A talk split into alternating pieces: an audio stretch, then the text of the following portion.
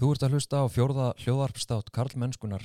Þátturinn heitir Naflösu skrimslinn og er ítaleg útgafa af vef sjónastætti með samanafni sem byrtu var á vef stundarinnar í oktober 2020. Ég ætla að vara þig strax við að fjalla verður um ofbeldi, nöðgunarmenning og gerendur í þessum tætti.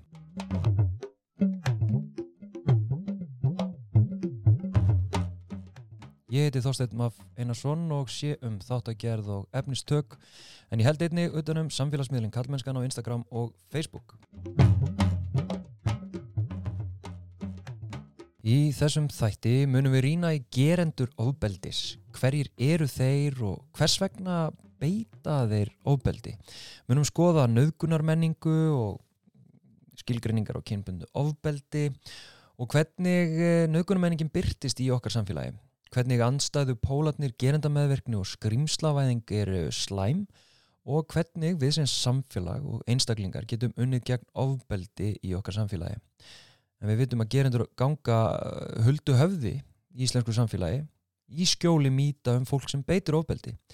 Og sérfrængarnir sem að ég tala við eru á því að nöðguna menning og ofbeldi verði ekki upprætt nema með því að varpa ljósi á gerendur og skapa menningu þar sem þeir geta og þurfa að axla ábyrð. En byrjum á því að heyra í sérfræðingunum og ég ætla að lega þeim að kynna sig hverju eftir öðrum. Já, ég heiti Andrés Proppi Ragnarsson, ég er fórsvari fyrir heimilisfrið og er komin í krafti þess hingað til þín. Mm -hmm.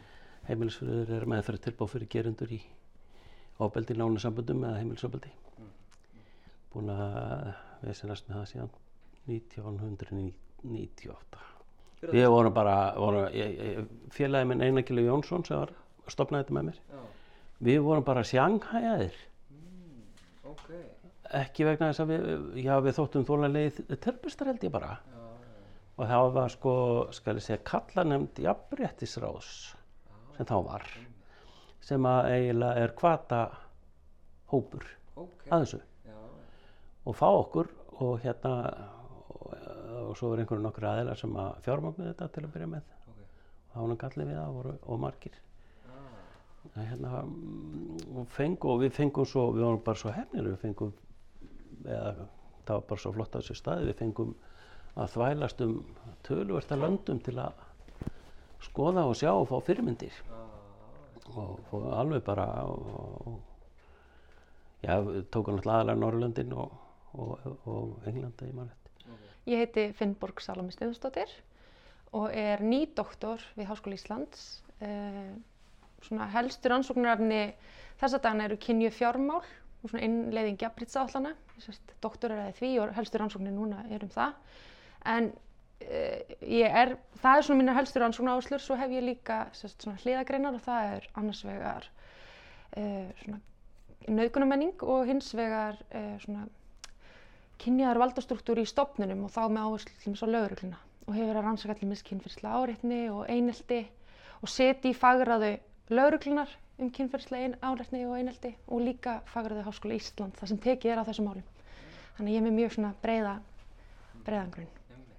Ég heiti Hildur Fjóla Antonsdóttir og ég var að ljúka við sagt, doktorsnám, doktorsrannsókn í réttarfélagsfræði við Háskólinni í Lundi og þar hefur verið að skoða kynfyrsbrotamálinn og svona hugmyndir brotaþóla um réttlæti í kynfyrsbrotamálum hvernig semst réttlæti getur litið út samkvæmt brotaþólum e, áður en ég hóð doktorsnámið þá var ég að skoða svolítið meðferð kynfyrsbrotamála innan réttakerfisins okkar hérna á Íslandi.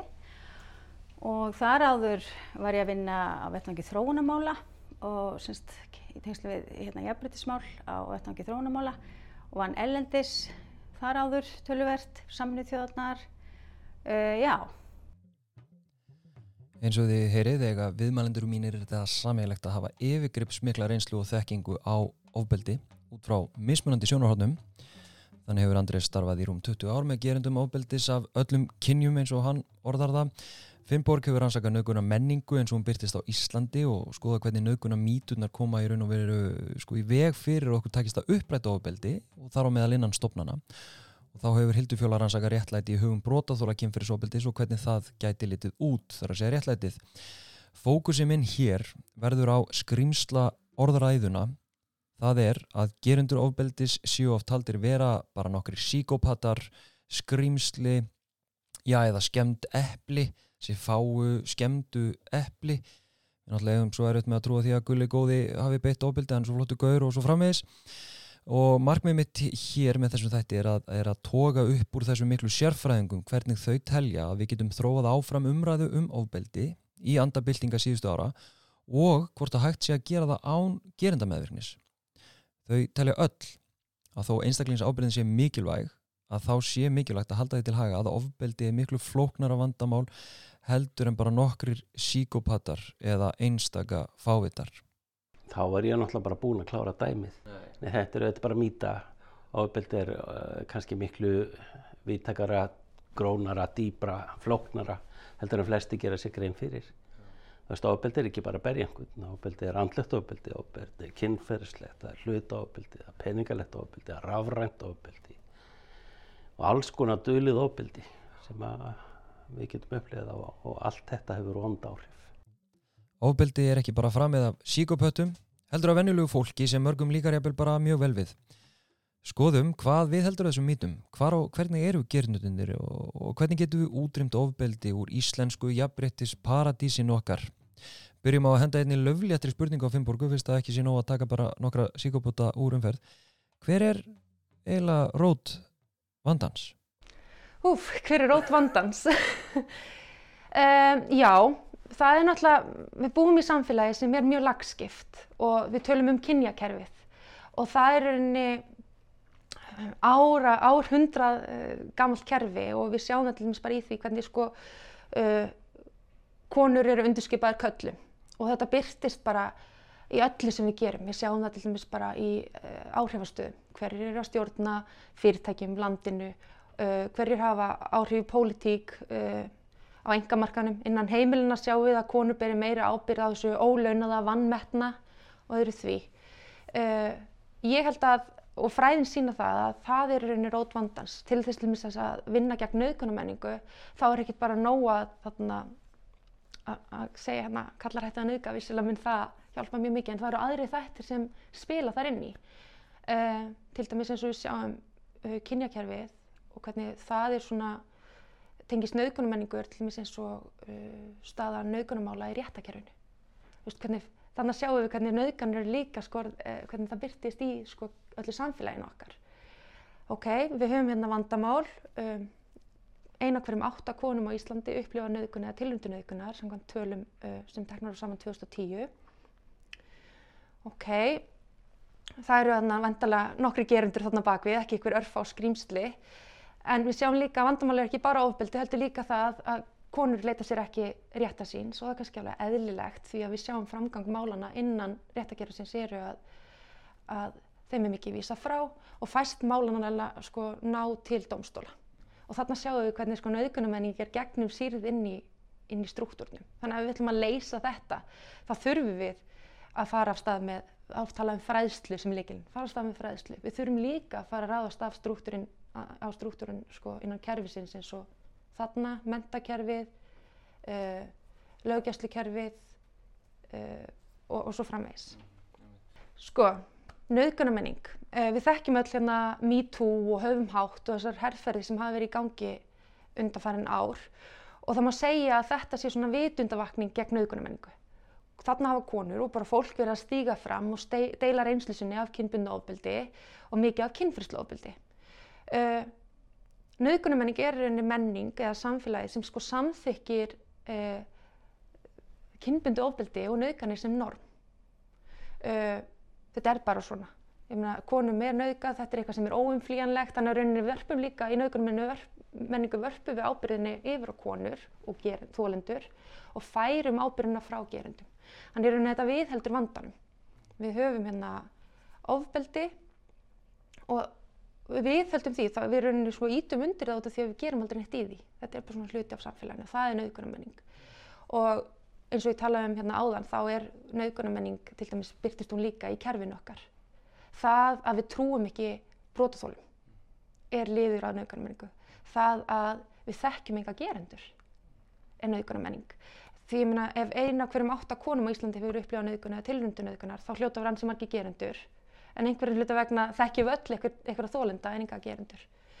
Og þarna sjáum við hvernig við beinum kastljósunni af þólendum. Og ég held að við á Íslandi sem komum ansi langt og þöks í þessum herrferðum eða vitundavakningum að við hlustum núna. Eh, þegar ég vann mína rannsóknir á nauðgunarmenningu 2011 þá vorum við ekki ennþá komið þangað við vorum endilega að hlusta. En það eitt og sér er ekki nóg, það leysir ekki vandan.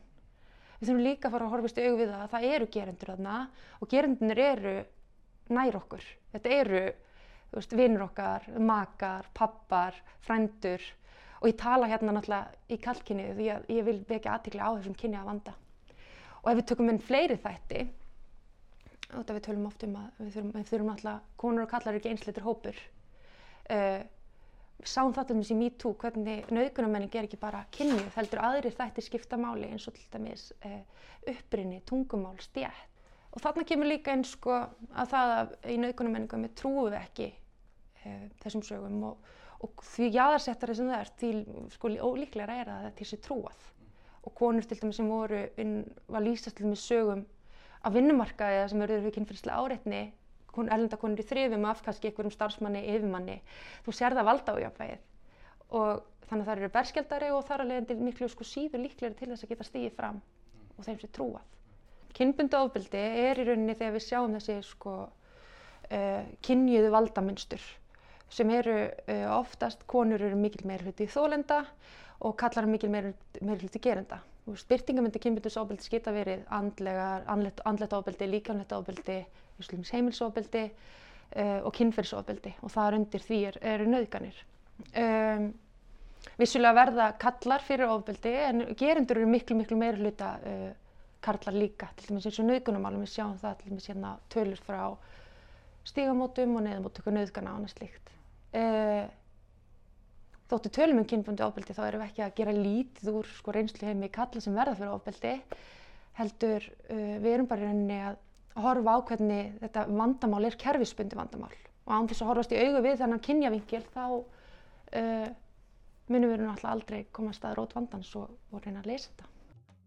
Við tölum almennt um ofbeldi karla gegn konum en það sína allar ofnbjörða tölur allar á Íslandi og, og víðar að meiri hluti gerenda eru karlar og meiri hluti þólenda eru konur. Þetta ásið síðan samhljóm í ýmsum frásögnum sem við höfum heyrt og og við heyrum frá úr reynslu heimi Kvenna meðal annars kom ég fram í posti hjá mér um daginn á, á Instagraminu Karlmennskan hvað konur myndu gera ef engi karlar væru næstu 24 klukku tímana og þá töluðu ansimarkar konur um að þær myndu upplifa öryggi og frelsi og geta gert ímsa hluti sem að já, ég allavega tek bara sem gefnu og sjálfsögðu. Enda töluðu strákarnir að kallanir ekkert um það að upplifa öryggi heldur bara eitthvað allt annað. Um, Þráttur er þetta, já, þetta kynjaða mynstur sem við sjáum og Finnborg hefur líst, talað um kynbundu ofbeldi og fjöldi gerenda séu karlar eða meiröldi gerenda séu karlar, þá er uh, Andris ekki svo samfærður, þar að segja hann tilur sér ekki í þetta fullirt að kallar séu meiri hluti gerenda. Sko ég get auðvitað ekkert fullir það þegar séu meiri hluti gerendar, þetta er bara það sem að kemur til okkar. Eh, það er náttúrulega miklu ríkari hefð fyrir því við byrjuðum 1998 eh, sem karlar til ábyrðar eh, þá vorum við engung úrræði fyrir karla sem voru gerendur gegn konum þetta var þannig alveg þar til í rauninni 2012 13 að við förum að hérna opna fyrir fólk af öllum kynjum til okkar. Og þú veist við erum bara kannski ekkert komin lengur en þetta á þessum tíma að, að, að, að bæði konur og önnu kynir að leita til okkar í auknum mæli og það hefur verið að aukast sem betur fyrr en, en það er ennþá þannig að því að það eru svo margi sem telja að ofbeldi sé engungu karla gegn konum að fyrir konur að koma til okkar er oft bara bísna erfitt það er svo mikil skömm og það er svo erfitt er ég þá eina konan í heiminu sem að Beitir Óbild har aldrei talað um þetta og þetta er einhvað að liggur í láginni. Þannig að sko skortur á umræðu verður svo erfið fyrir þennan hóp. Gerendur sem leita til Andresar hjá heimilisfriði eru í 70-75% tilvika eh, karlar og hann segir eh, samt sem aðra að önnur eh, kyn séu að leita í meiri mæli til hans, hann hafi fundið aukningu á síðustu árum. En er eitthvað sem einkennir gerendur? Já, þau beita ofbeldi. Það er, það er ekkit annað sem enginnir. Þetta er fólk á öllum aldri, þetta er, uh, þú veist, þetta er, þó að stærsti hópurinn er frá kannski 25 til 45, að þá er þetta samt fólk frá 18 og upp úr alveg, elsti sem hefur komið til okkar er 84. Gerandinn, sem sagt. Sko þessi kynbunni munu sem að við finnum mest fyrir er í afleiðingum ofbeldisins, sérstaklega líkanlegs ofbeldis hann líkur í því að þú veist, karlar eru yfirleitt sterkari, uh, þeir, uh, þeir eru bara afl meiri og það þýðir að konur upplifa sér miklu oftar og meiri hættu heldur en kallar sem að verða fyrir ofbeldi. Þeim finnst það vond og anstíkilegt og djöfulegt en þeir upplifa sér sjálfnar í sko bara hættu með líf og limi. Á meðan að við uh, sjáum það mikið meira á konum sem upplifa ofbeldi, sérstaklega gróft líkanlegt ofbeldi. Flestir þessi koma auðvitað ef eigin kvötum, svo er auðvitað stór hópur sem kemur til okkar með tilvísanir frá barnavendinni, frá lauruglu, frá núna nýverið dómarar farin að senda fólk til okkar. Þannig að þú veist, er, þeir koma kannski ekki sjálfviljur en þeir eru sjálfviljur. Þegar ég segi þeir þá meina ég gerendur, svo ég ítreki það. Mér langaði aðeins að forvittnast um nálgun heimilisfriðar. Hvernig meðferða þau gerendur og, og hvernig gengur það? Sko yfirleitt gengur það bara nokkuð vel. En það er, þú veist, við sjáum og viljum hafa fólki við lengri tíma. Þú veist, við viljum, við viljum gætna sjá fólk helst svo árumskiptir. Það er best, það gengur best, það er mest að vinna. Og það er sannlega rétt hjá þér, þarna við sjáum nánast alltaf minnstur, ofbeldis minnstur, hegðun. Það byrjar á því að segja kannski frá einstaka uh, líkalega ofbeldistilviki en svo fyrir við að sjá líka andlegt ofbeldisminnstur á bakvið og jafnvel einhverja kynfyrslega þræði, peningastjórnun, samvisku stjórnun, alls konar hluti sem við sjáum á bakvið og þurfum að vinna með. En við sjáum líka alltaf einstaklingslega svo stóra mynd, við erum að sjá fólk sem að á yfirleitt alltaf stóra áfallasögu. 85% af þeim sem að koma til okkar hafa sjálfur upplýðið ofbeldi eða verið vittna ofbeldi sem börn. Svo það er, það, er, það er hlutur sem við gáum alltaf að skoðum hvernig er áfallasagan, við þurfum alltaf að vinna með hana. Við þurfum að fara inn í gildismat, við þurfum að fara inn í hegðun, við þurfum að fara ástöðu kynjana, við þurfum að skoða uppeldismál, við þurfum að, þetta er í rauninni oft heilmikil bara umsnúningur og umpólun á svo mörgum afstöðum til lífsins sem við þurfum að vinna með. En þú veist að við erum með fjögur þrep í vinnunni hjá okkur og fyrsta þrepið er gerum þetta sínilegt. Mm. Verðum að opna þetta, við erum að leggja á borði til að geta unni með það. Mm. Það var líka fórsenda þess að komast á þrep nummið tvö sem er við skulum taka ábyrð á því sem við gerum. Sem er, og ég get alltaf sagt við viðkomandi, hugsaði þér hvað er svakalegt ef þú bærir ekkert ábyrð á því, að þá getur ekkert gert í málunum. Þá ertu bara fórnalamb einhvers. Mm. En að því að þú berð ábyrð, þá getur þú breytt og það er geggjað. Svo fyrir að vinna með þriða þrepi sem eru afleiðingar. Eða, nei, tengslinn er þriða þrepi meira, það eru þá tengslinn við áfengi, vímöfnanislu, er þetta geðvikiskost, er þetta er brjálu streyt á þér, er þetta atvinnulegs, er þetta hvaða samhengi er. Og svo afleiðingar í kringum allt, afleiðingar fyrir þig, fyrir þann sem verður fyrir ofbeldinu, fyrir alla fjölskylduna þína. Við erum alltaf sérstaklega í aflegginga fyrir börn.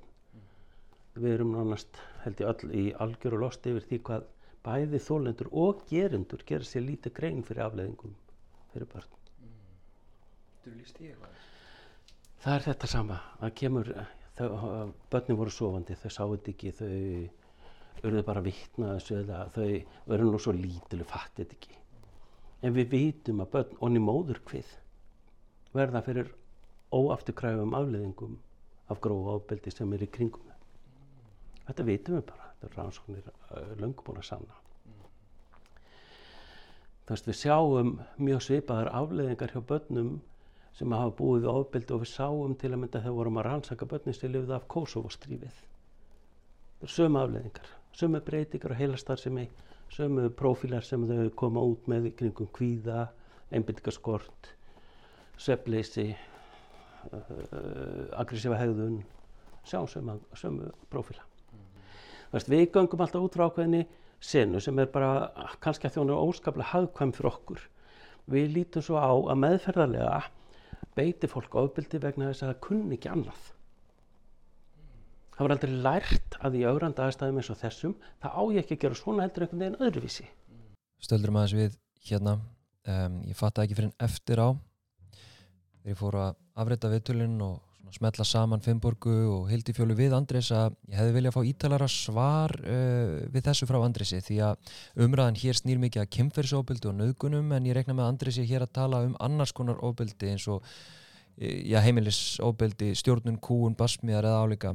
Þannig að hér hefði viljað spyrja en hvernig vinnur með þá sem nauðga? Hvernig lítur hann á þá sem nauðga vísvitandi? Og hvernig vinnur hann með það en auðvitað klárast umræðan ekkit hér en þetta er eitt dæmi sem ég hefði viljað staldra betur við en ég ætla að leifa mm, Andris að halda áfram að skýra hvernig hann lítur á gerendur og hvers vegna þeir beita ofbeldi Þetta lærði ég kannski að því að þetta var hatt fyrir mér eða einhvað og þetta er eina leiðin sem ég kann. Engin rey, kannski mjög lítil kvatastjórn og þetta er það sem ég kann.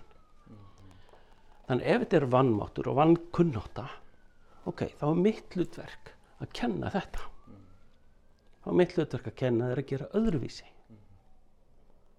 Og basically er það það sem við erum að gera alltaf. Kenna öðruvísi viðbröð öðranda aðstæðum í öllum kringustæðum. Ég ímyndaði mér eh, sennilega af hreinum fordómum að kallkins gerendur sem leituð til Andrés að væru reyður út í feminisma, reyður út í MeToo og reyður út í konur sem að hafa átt um uh, ofbeldi. Fær Andrés mikið af reyðum körlum út í feminisma og MeToo? Nei, mjög sjaldan, Já, mjög sjaldan. ok. Ég fæ fullt af fólki, konum og köllum sem eru mjög reyð, Já, en ekkert endal út í þetta. nei, Bara, þau eru bara reyð. já, reyð út í sig. Það getur verið örlega söguna sína út í að hafa verið beitt ábyrgð til þess að barna, hafa verið senda fjögur upptökaheimili, hafa verið, getur verið allt mögulegt. Og svo eru sem, sem eru bara reyðir. Það er nú þannig. Hérna, veist, ég er orðin flinkur að meðandla það. Það er, eh, þú veist, ég bara kunni það. Ég fæ mjög sjaldan til mín hættulegt fólk sem ég upplifi sem hættulegt. sjaldan, Sjaldan. en það gerist. Já, já, auðvitað. Það sem þú óttast jafnvel um þig, Það hefur gerst, já.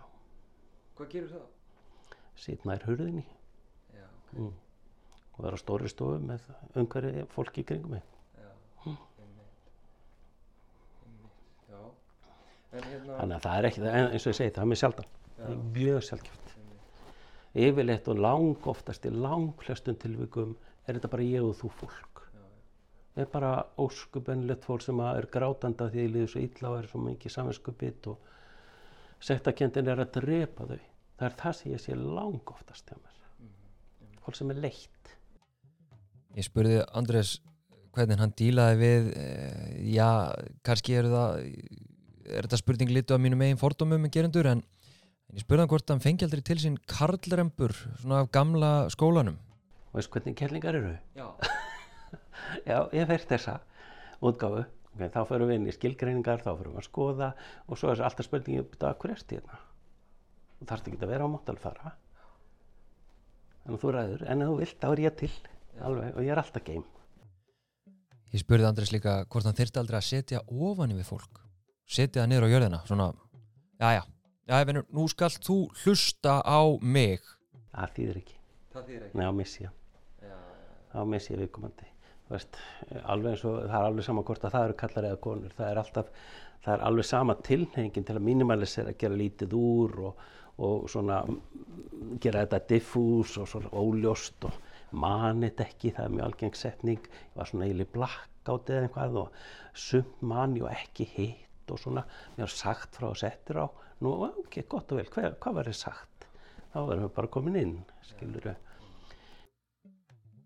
Gerendur hjá Andressi og heimilisfriði, gerendur sem leita sér hjálpar, eru lang oftast með mikla áfalla sögu en hann segir að 85% gerenda sem komið til hans eigi sögu af óbeldi úr æsku, orði vittni eða orði fyrir óbeldi sem börn. Færum okkur núna aðeins yfir til Fimmborgar og Hildar Fjólu, förum aðeins dýbra inn í hugmyndur okkar um gerendur og ímsar mýtur sem tengjast síðan nöðgunar menningu. Heyrum fyrst í Fimmborgu. Ég held sko niðurstöður minna rannsóknar sína hvernig við sko uh, málum kalla eða gerendur upp sem sjúka uh, eða skrimslavæðum þá.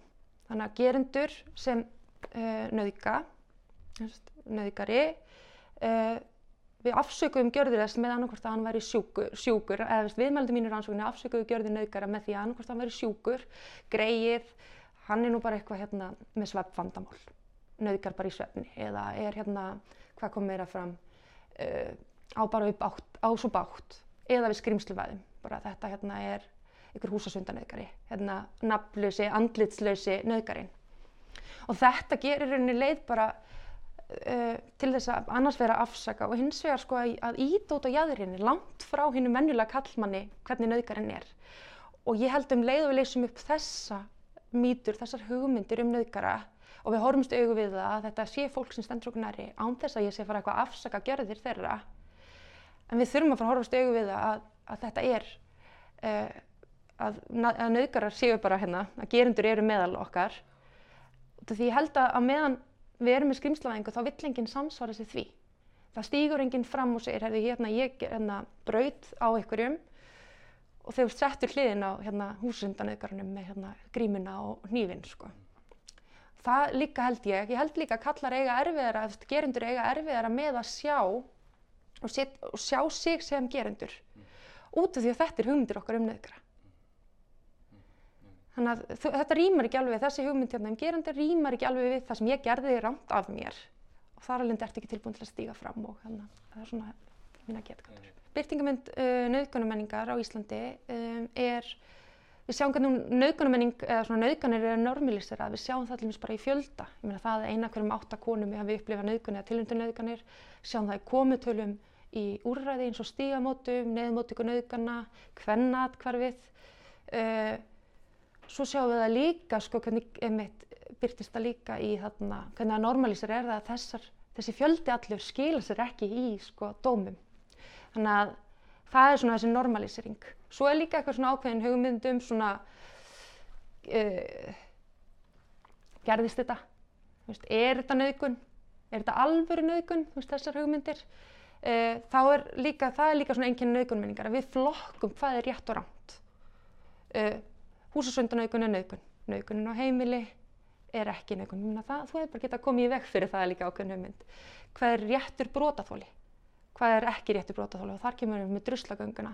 Við sjáum það að vera mikil vakning um það hérna, uh, hvernig þú klætti þig, hvernig þú hegða þér. Uh, við draugum þar alveg ábyrna frá því að, bara, að þú gerðir allt rétt, það var brotið á þér. Þannig við draugum einhvern veginn ábyrna frá brotinu og verpum henni yfir á brotaþóla. Sjáum það líka með gerendur á Íslandi. Það er einmitt þessi sjúkdómsvæðing og skrýmslavæðing og einmitt bara hvað við þekkjum fáa gerendur. Ég get, því miður þekkir allt og margar konur í kringum sem hafa, hafa hérna, orðið fyrir kynfinn og ofbildi en get talið á fingrum annara handar hérna gerendur. Mm. Þannig að það endurspeglar þessa sko, um, þessa normalíseringu, þessa ofbildis og hvernig við horfumst ekki í augu við það. Hildur Fjóla hefur rannsakað hvernig mítur um kynferðisbrott og gerendur, nauðgunar míturnar, byrtast eða koma fram inn í réttarkerfinu og hafa áhrif á niðurstöðu dómara.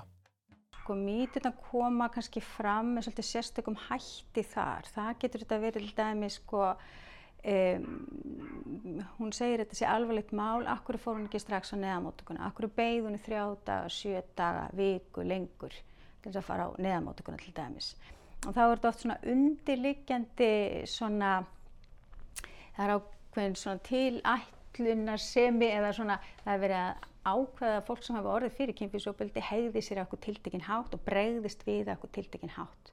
Að það er það sem að sé svolítið í réttakerfinu að það er svona farið ofan í þessa þætti. Mm.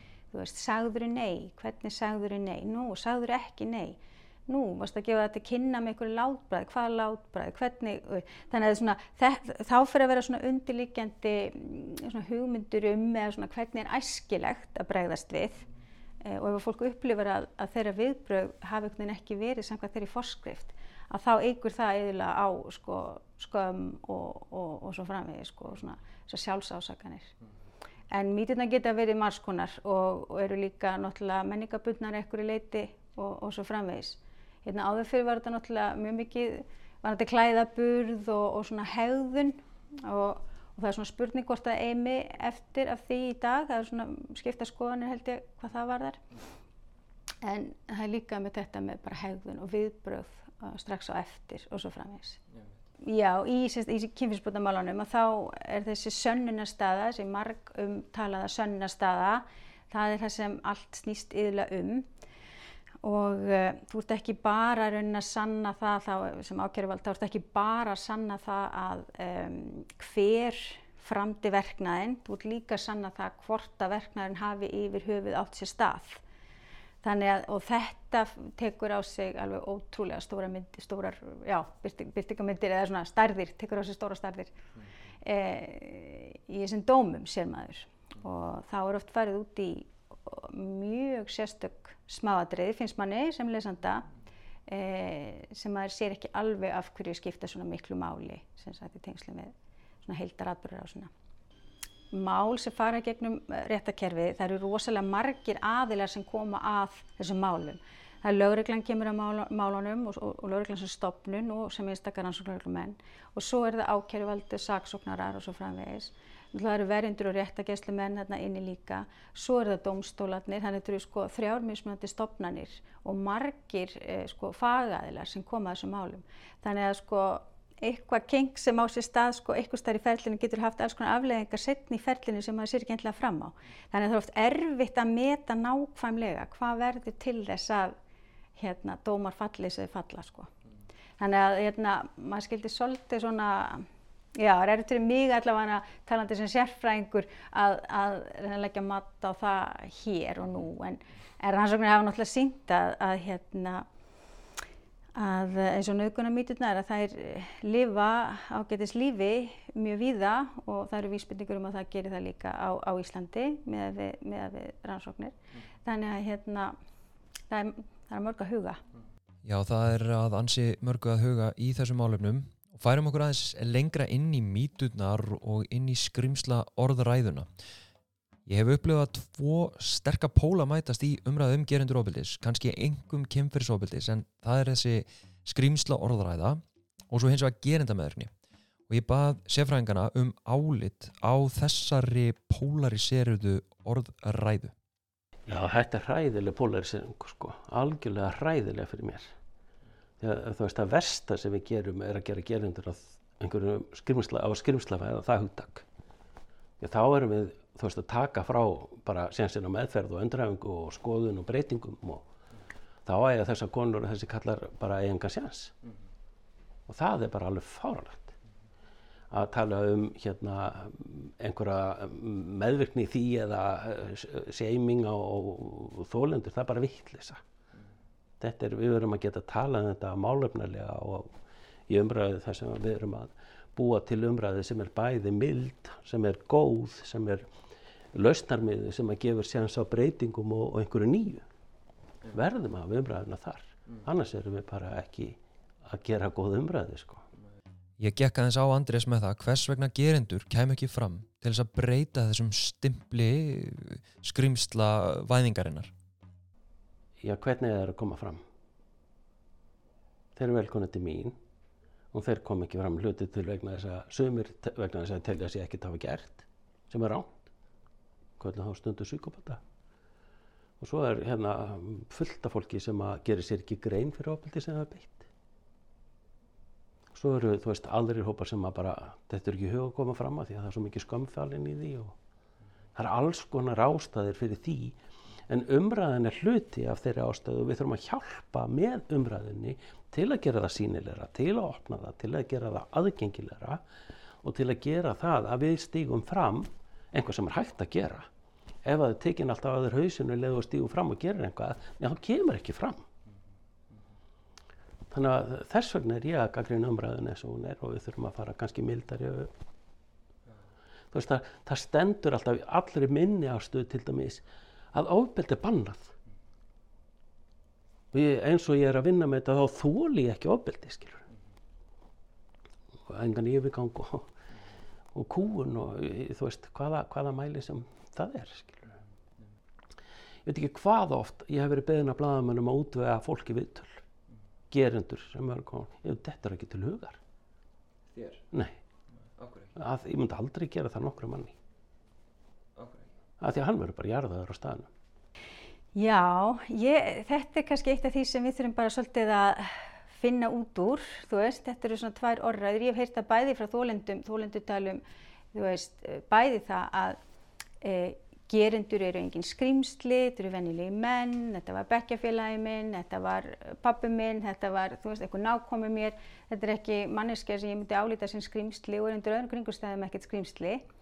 Uh, síðan eru líka þólendur sem segja að veist, það er mjög mikilvægt fyrir mig að líta svo á að þessi maður sé skrimsli vegna þess að ég þarf að standa þar núna til þess að bara passa upp á einn svona andlega heilsu og, og svona já uh, kannski það sem ég er stött núna þá þarf ég að fá að líta svo á.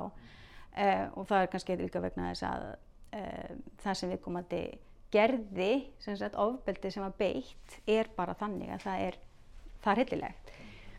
Eh, þannig að við erum náttúrulega, já, þannig að þessir kannski pólar sko tóast svolítið á, sko. En svo er náttúrulega þetta upp á ábyrðina ef að, ef að við ætlum að reyna að sjá sko kallmenn eða, eða þá sem fólk sem beitir ofbeldi taka ábyrð á því, þá verður líka búið til eitthvað rými í samfélaginu til þess. Þannig að hérna, það verður eitthvað neina búa til stað þar sem uh, fólk getur svona horti í einn barm og og kannski fengið tól og tæki og lært hvernig er hægt að taka ábyrð á görum sínum og hvernig er hægt að e, breyta rétt. Vegna þess að eitt af því sem skiptir mjög miklu máli fyrir mjög marga brótaþóla allana sem ég talaði við fyrir mína rannsók og það er þetta að tryggja að þetta gerist ekki aftur. Þannig hvernig er þetta að tryggja að þetta gerist ekki aftur og þá yðurlega tala fólk um, þú veist, ef við komum til átt að segja eins og á því að það sem hann gerði var rámt, hvernig, hvernig er þetta að tryggja að hann gerist ekki aftur. Þannig að það er þess, þessar pælingar sem skipta fólk mjög miklu máli. Ég skil sem svo að skrimslavæðing gerenda sé ekki til þess fallin að útrýma ofbeldi nýja til þess að stiða gerendu til að taka á því ábyrð. Hefur Finnborg trú á að hægt sé að afstigmatísera gerendur án gerendamæðurnis? Já, ég vil trúa því að við getum gert það afstigmatísera gerendur án þess að vera gerenda meðvirk. Um, þetta verður samt örgulega mjög sásuga fullt ferli fyrir þólendur og hérna, um, en aftur, ég held, já, það er mjög krefjandi verkefni, en hvort við, okkur texta veit ég ekki, ég held ég get, hafa ekki svarið, sko. En jú, ég held að við getum það og ég held við séum að gera það. Ég meina við sjáum það með MeToo og öllu þessu, um, það sem kemur fram að, veist, að gerendur eru bara samsvarsfélagin og, og hérna, samnumöndiðinn eða yfirmaður og annað slíkt. Og þetta er engin skrýmsli og ég held að það sé svona skrefið í rétt átt. Og ég held líka að við fyrir að horfast í augu við til þess að kynbundi ofbeldi í nánum samböndum. Uh, það var lengi vel ekki viðkjönd og það er líka svona ákveðið naukunmenninga að eiga sko að þið finnist þú eiga tilkall til til dæmis kynlífs. Söðið og, og, og þrýstingurinn og þú endanum lætur hinnaðilin undan. Mena, það er svona ákveðin, það er þvingun í því. Og þegar við fyrir að hórast í auðvið það sem til dæmis naugun eða tilvöndu naugunar uh, líka sér skrifir ég þetta átt að þannig að ég meina manniska sem getur gert svona er líka kannski makiðinn. Og ég held að við þurfum bara einhvern veginn að fara svona að, að svifta hölunni af þessu og hérna horfast í auðvið þetta. En þetta er ekki eitt og sér ekki nóg, við getum ekki, sko, við leysum ekki vandan með að varpa ábyrðin á einstaklingana og okkur samfélagi. Við þurfum til dæmis, við höfum tækja tól til þess að ráðast inn á kerfin, inn á samfélagsstruktúrin. Uh, við sjáum til dæmis eins og uh, Þórildur Sæmundsdóttir var að gera meistarriðgerð um, um niðurstur hæstaréttadóma á nöðgunumálum og þar kom bara veist, því meira sem nöðgunin líktist húsasundanöðgun eða gerandi var útlendingur, voru meiri líkur að málið leitið með þetta til satféllingu. Þannig að sjáum við bara hvernig allar þessar hugmyndir okkar sem snúa naukunum byrtast í kerfinu. Og ég held að við þurfum að ráðast þangað sko. Að þannig að fara þangað inn og, og sama, ég meina þetta helst allt í hendur, við þurfum líka bara einhvern veginn að vinna í gegn kynjakerfinu, að reyna að útrýma misrétti og jafna stöðu ólíka hópa. Mm. og það gerist bara bæðið með því að hafa konur og fjölbreyttan hópi í valdastöðum, taka ákvarðanir, þetta sé ekki bara samfélagis ekki sniðið út frá einsleitum hópi hvítra íslenskra kalla. Finnborg hefur trú og von að hægt sé að afskrimslafaða gerendur og bendur á að við séum með aukinu umræði og byltingum undanfarina ára búin að vera varpa ljósi á það að það eru gerendur út um allt í kringum okkur. Við tölum bara ekki um það. Þeir tala heldur ekki um það. Heyrum næst í Andrisi hvort og hvernig hann telur að við getum af skrimslavætt gerendur. Við gerum það með því að skilja að gerendur ofbeldi, sko sem það eru kallar eða konar, hvaða kynni sem er. Þetta er fólk sem á ríka sögu, sem að hefur, eins og ég segi, 85% af þeim sem leita til okkar voru einu sinni börn sem að lendu í ofbeldi, sem að örðu vittna ofbeldi, sem að vext þetta fólk upp og þetta er það sem að lærði. Ef að vera að berja þau fyrir að vera allist upp við þetta í orðum. Nei, mér finnst það ekki fyrr en það breytir engum það að jafnvel þó þú eigir alla þessa sögu sama í hverju þú er lend þú mátt ekki beita ofbeldi. Þú ber ábyrð á því að breyta því. En ég og við og öll hinn við verum að gefa þér tækifæri til þess. Ég sagði af Andris að þetta er því nú sennilega tólka sem svolítil gerindameðverkni það verður bara, ég veit ég fæ þá gaggrýti það verður bara að hafa það. Ég verður að þóla það. Ég, ég veit vel að ég er stend og sko beitni umræðu með þetta allt saman. Okay. og það er alltaf leið ég hef ágætt bak oftast.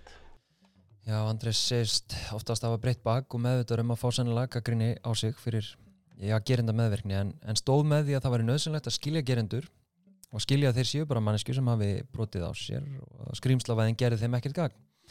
Og vantilega ekki heldur þólundum þeirra, já eða hvað? Uh, Hildur Fjóla hefur myndið rannsaka réttlæti fyrir brotað þóla og fáum að heyra næst hvernig réttlæti í hugum brotað þóla lítur út E, sko, e, réttlæti fyrir þólendum verist vera samsett úr nokkrum þáttum.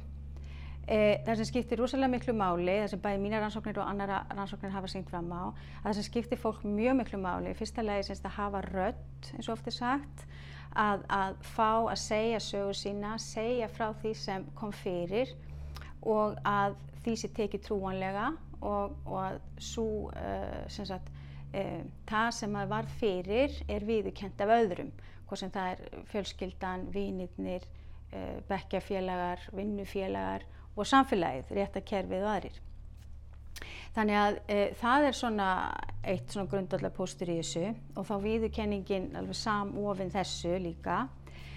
E, aðri þættir sem skipta fólk mjög mjög máli og fólk tengir við semst réttlætis hugtakið að það er semst að upplifa stuðning að, að þessi stuðningur úr, úr umhverfinu og aftur frá þessum aðilum, fjölskyldu, vinum, samfélaginu og svo framvegis. Og þessi stuðningur getur verið e, tilfinningarlegur, sálfræðilegur, en það getur líka verið stundu fjárhastlegu, spurningu fjárhastlegan stuðning fyrir eftir í hva, hvernig, hvernig staða, stað, í hvað stöðu fólk er í. E, nú það sem skiptir líka rosalega miklu máli er e, að tilheyra og það er svolítið sérstakt held ég þegar kemur að kynfyrsbrotamálunum og það er þetta þegar að því ofti að fólk segir frá kynfyrsóbildi að þá er ekki allir sem trúa. Og þegar fólk trúir ekki þá upplifir fólk eins og það, sko, það rofn ykkur tengsl. Það rofn ykkur tengsl við einstaklinga hópa samfélagið og svo framvegis. Og þetta er oft þetta sem, sem fólk fyrir að einangra sig uh, og tristi sér ekki út á meðal annar og svo framvegis. Þannig að uh, þá upplifir allt í eina samfélagið er ekki þitt lengur. Og það er svolítið alvarlegt mál og sárt Þetta er svona, hérna á ennsku talað um hugtaki belonging sko, að upplifa að maður tilheyri samfélaginu sínu, það sé að mann sé gefið pláss í samfélaginu sínu, eða í fjölskyldinu sínu eða vinnahóplum sínum, þú veist að það sé hérna, já þetta að, að hafa pláss, að hafa stað. En varandi náttúrulega, kannski til þess að klára varandi réttlæti, hvað er réttlæti í hugum brotaþóla, að þá er það náttúrulega líka svona fyrst og síðast sko að uh, sá sem óbildinu beitti taki ábyrð á því ofbeldi og lifti skömminni af brotaþólan. Mm. Hvernig tekur gerandu ábyrðina? Það er bara mjög góð spurning. Uh, sko ég held að það sé þetta náttúrulega, horfa stjóðu sjálf hann seg, þú veist, uh, viðukenna það sem maður gerði og viðukenna það líka á þeim stöðum sem skiptir máli.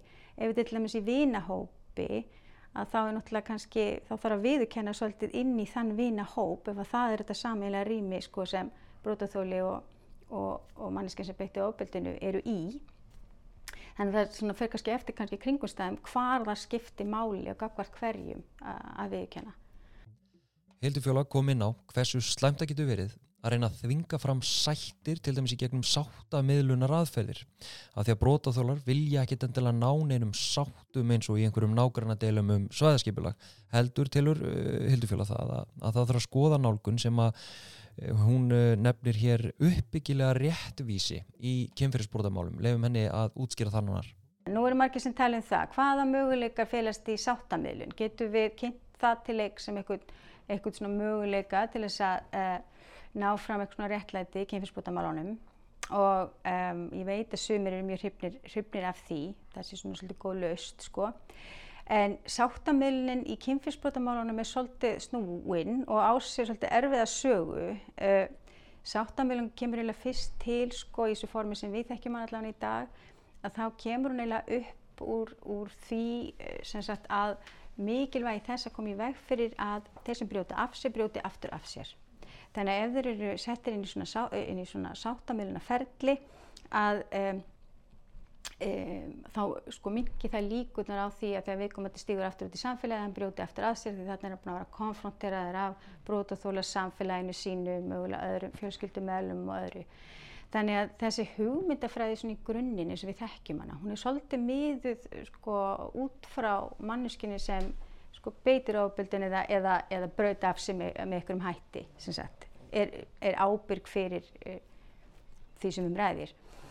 En, uh, en það er tölvört um rannsóknir bara frá svona 1900 eða 9. áratögnum sko, þar sem að verða að þvinga í rauninni sáttamilanir í eins og uh, heimilsóbyrðismálum og það eru bara hræðilega niðurstöður sem hérna hafa komið út úr þessu.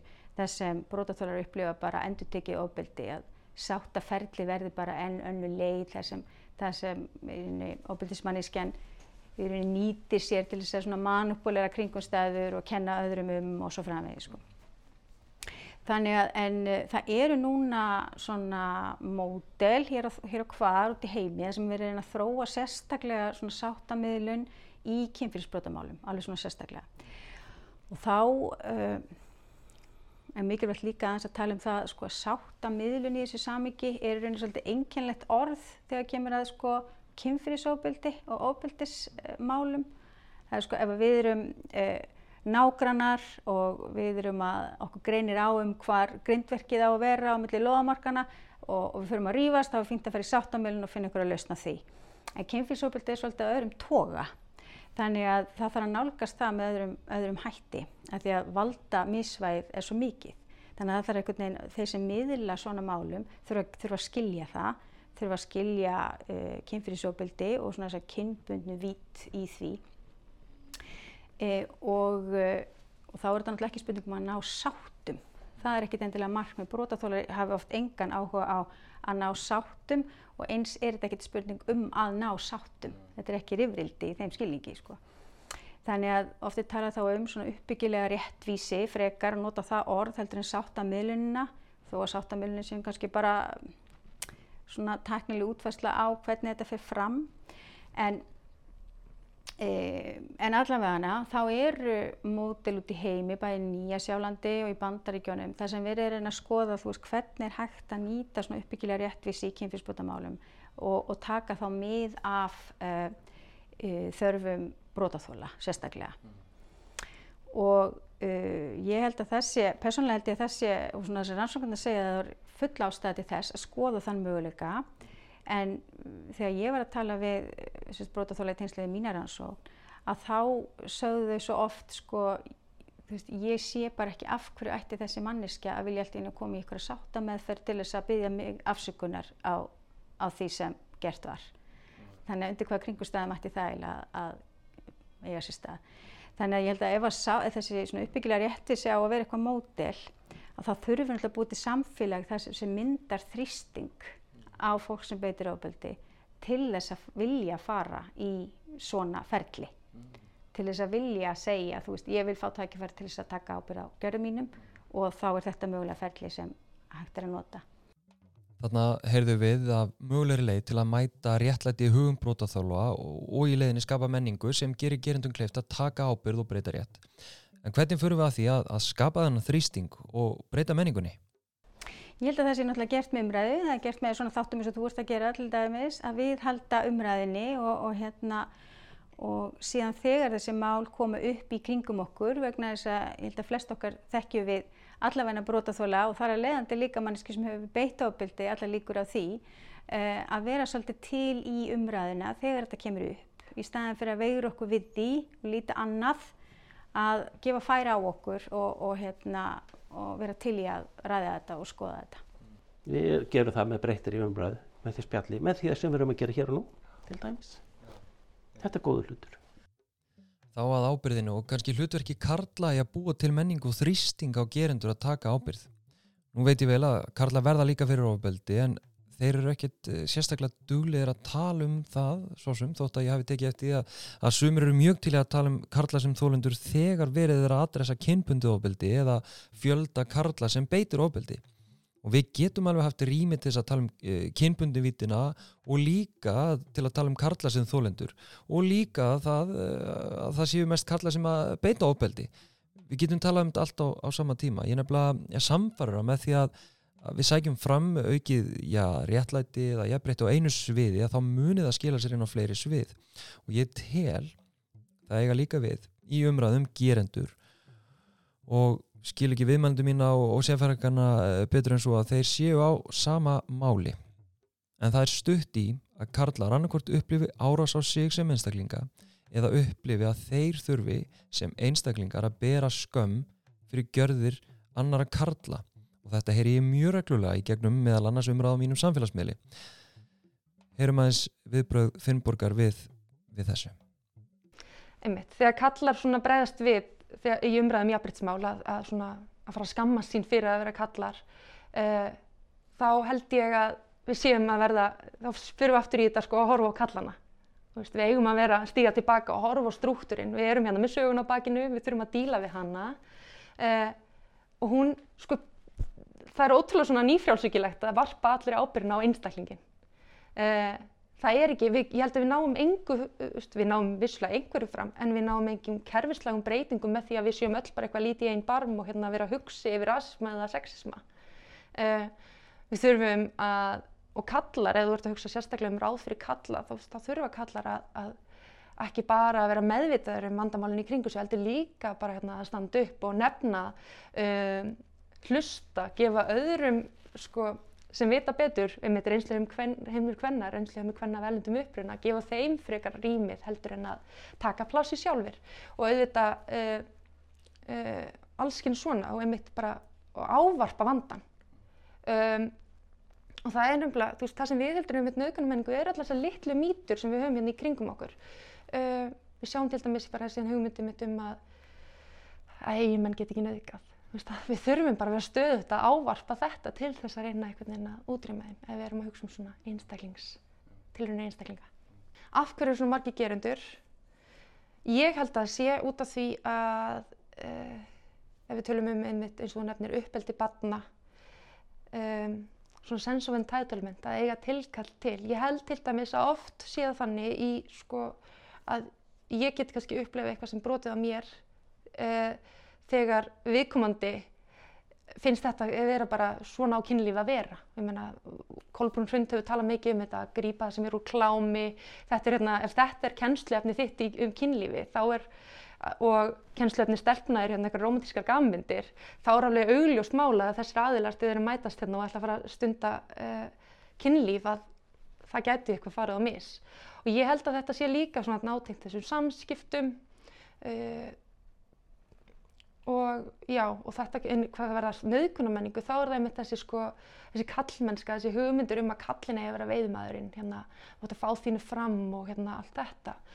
Þannig að ég held að það sé oft þannig að, að, að því meður, að marg, allt og margi gerendur gera, sér ekki endilega grein fyrir að hafi nöðgað og ég held líka að allt og margi gerendur gera sér grein fyrir að hafa gert eitthvað ránt en myndi ekki endilega setja nöðgunarstimpilin á það. Finnborg, sér þannig ákveðin tengsl sem ég tek undir og mér finnst það alls ekki fjárstæðakent ef við horfum bara til þess hvernig mainstream klám er, hvernig valda tengsl millir kalla á kvenna og drengja á stúlna og karlmennsku og kvenleika er þá finnst mér þetta eiginlega bara pínulítið gefið að þetta kunni að hafa einhvers konar áhrif á uh, fjölda kynferðisóbildis og brota og markaleysis og virðingaleysis í samskiptum uh, í okkar samfélagi. En Andris er ekki svo sannfarður um þessi tengsl. Uh, nýja karlar eigi almennt erfitt með að horfast í augu við að ofbeldi séu of algengt og að það séu of algengt að kallar beitu ofbeldi. Ég, ég er ekki við sem ég sé bara eiginlega sem er sammálaði að kallmenn almennt eigi það. Ég, það, ég mm, er ekki viss um það, en ef þú ert með rannsóknir sem segir mér það, þá skal ég taka undir það. Ég neit aldrei því sem að liggur á borðinu, sko. Ef að segja sumir?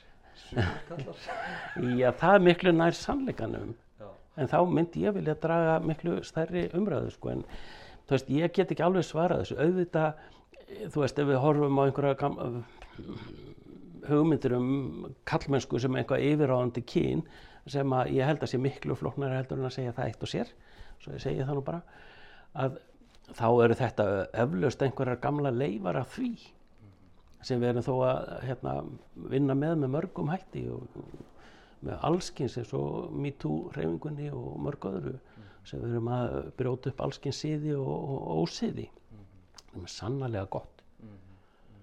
En e, að tala um að við erum ekki farin að höndla neitt sannleik í þessar umræðu En jafn kröftug umræðum kynbundið ofbeldi og jafn sterkur í krafa á karla og gerundur að taka ábyrð og hætta að beita ofbeldi er samt til dæla nýtt fyrirbæri og, og nátengt byltingum síðustu ára, druslugöngunni, höfum hátt, mýtu og fleiri byltinga, eða hvað, Andrés? Jú, mjög. Mjög nýtti komið og það er gott skilur að fyrir mér allavega, finnst það gott. En, en þarna hafa þá kallarverk að vinna að tala um sinn heim og þeir hafa bara ekkert verið duglegi við það en rannsóknarheimurinn hefur heldur ekki verið duglegur að taka því upp sko. Mínu upplifun er svo að karlar vilja einungis tala um ofbeldi sem þeir verða fyrir þegar verið er að tala um ofbeldi kalla gegn konum og ég upplifi þess vegna umræðan oft sem einhvers konar andstæðu par.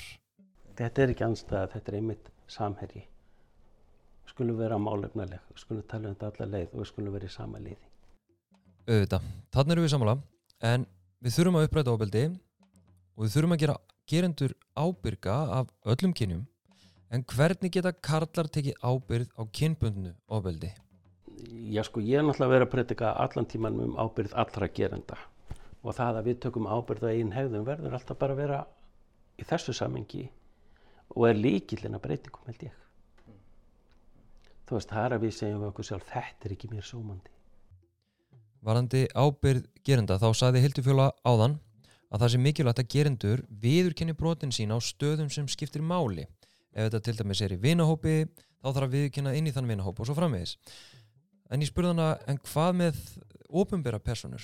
Ega þær að stiga fram þá ofinberla og játa gjörðir sínar?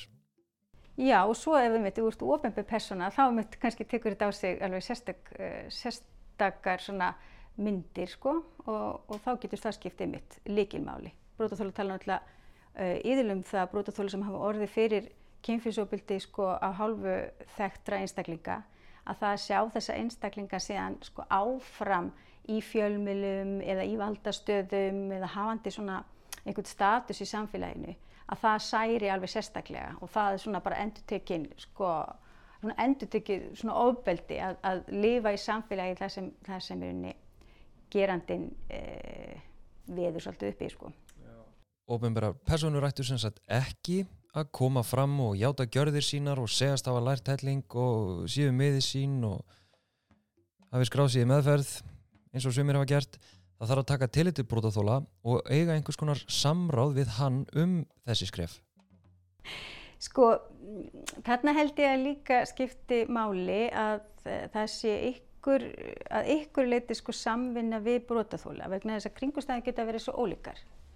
Þannig að brotaþóli sko sé upplýstur og sé heldur upplýstum með ykkur um leiðum Uh, og fá að hafa eitthvað um það að segja svona hvernig er verið að stýra umræðinni sérstaklega umbelega.